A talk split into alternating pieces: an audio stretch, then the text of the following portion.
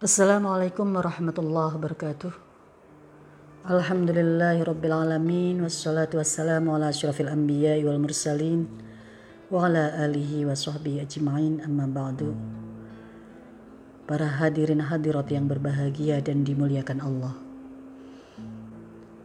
Para perempuan secara realitas merasa berada di persimpangan jalan. Karena antara keinginan kata nuraninya selalu berbenturan dan berlawanan dengan realitas-realitas sosial secara budaya dan dihadang oleh pandangan-pandangan keagamaan. Terutama dalam tiga faktor. Pertama adalah pendidikan. Kita merasa terinspirasi oleh Sayyidah Aisyah dan Sayyidah Nafisah guru Imam Syafi'i radhiyallahu anhu Keduanya adalah tokoh-tokoh yang sukses dalam ilmu pengetahuan. Sayyidah Aisyah adalah perawi terbanyak hadis-hadis Nabi setelah Abu Hurairah. Sayyidah Nafisa adalah guru para ulama-ulama besar di mana setiap pengajiannya selalu didatangi oleh berbagai manusia dari berbagai penjuru. Kita menginginkan kita bisa seperti mereka berpendidikan tinggi mempunyai kesempatan, tetapi sekali lagi sering terhadang oleh realitas. Orang-orang sekitar kita selalu berkata perempuan itu di kasur, sumur, dan dapur. Karena itulah kemudian kita menjadi terhenti. Kita berdiri di persimpangan jalan antara cerita kesuksesan sirah nabawiyah dan antara realitas yang dihadapi. Padahal dalam asbabul wurud hadis Nabi pernah Nabi didatangi oleh sahabiat-sahabiat Madinah. Mereka cemburu dengan para sahabat-sahabat yang bebas mencari ilmu dan mendengarkan pandangan-pandangan keagamaan dari Nabi Muhammad. Sehingga salah satu dari utusan mereka datang menemui Nabi dan berkata, "Ya Rasulullah, zahabar rajulu bihadithik Faja'alana min nafsik." Ya Rasul, laki-laki datang untuk mengikuti pengajian hadismu. Maka jadikanlah kami bagian dari dirimu. Yauman na'tika fihi tu'allimuna mimma 'allamakumullah. Yaitu suatu hari kami mendatangimu untuk belajar kepadamu sebagaimana engkau belajar kepada Allah. Faqala maka kemudian Nabi menjawab, Istami'na fi yaumin kada wa kada, fi makanin kada wa kada. Berkumpullah kamu mencari kesepakatan. Di hari apa kamu bisa berkumpul dan di tempat kamu, di tempat mana kamu bisa berkumpul. Fajtama'na fa'atuhunna Rasulullah fa'allamahunna mimma 'allamahu Allah rawahu Bukhari. Dan ketika para perempuan itu berkumpul, Nabi mendatangi mereka dan mengajari mereka segala sesuatu yang diajarkan Allah kepada Nabi. Kemudian lagi ayat Quran juga menginspirasi sebenarnya bahwa kita para perempuan pun harus belajar.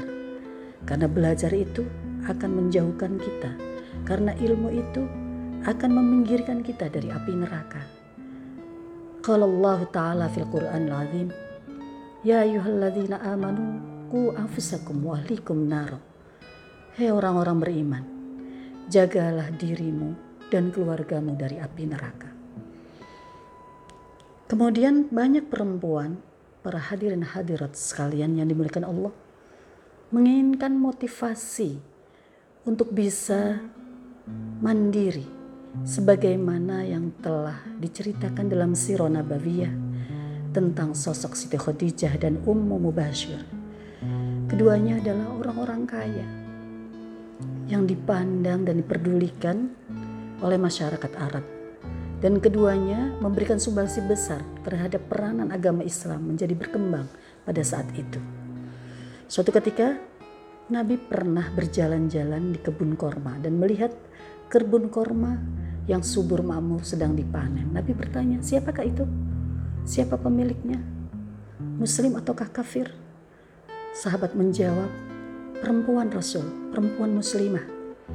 Kemudian Rasul berkata, La yaghrusu muslimun gharsan, wala yazra'u zra'an, fayakula minhu insanun wala dabah wala syai illa kanat lahu sadaqah. Seorang muslim tidak akan menanam tanaman dan tidak akan memanen buah yang kemudian buah itu dia berikan kepada manusia, kepada hewan dan kepada sekitarnya kecuali baginya adalah sodako. Jadi dalam menerima pahala sodako perempuan juga dapat ambil bagian ketika dia berkarya aktif dalam hal-hal kerja sosial dan kerja ekonomi. Kemudian diceritakan juga Ummu Syarik, imru'atun ghaniyah minal ansor, azimatun nafaqah fi sabilillah. Ummu Syarik adalah orang perempuan ansor yang kaya raya. Dia selalu berkontribusi besar memberikan nafkah fisabilillah, bantuan di dalam jalan Allah.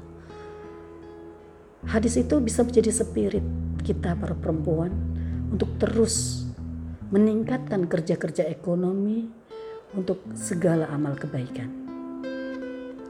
Ketika perempuan berada di persimpangan jalan, itu juga ketika memberi keputusan untuk dirinya sendiri. Misalnya perempuan terhadap kesehatan reproduksi. Dia menginginkan memilih alat kontrasepsi yang sesuai dengan tubuhnya kesehatan dirinya.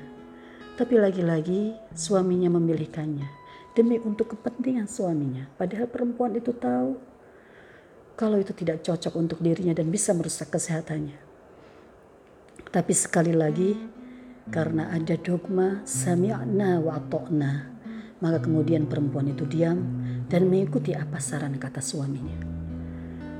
Padahal Nabi sendiri telah mengajarkan kepada kita untuk bisa memutuskan apa yang terbaik untuk diri kita. Dalam banyak riwayat dikatakan Nabi pernah berkata, kalau Rasulullah wasallam, "Wa anta a'lamu bi umuri dunyakum."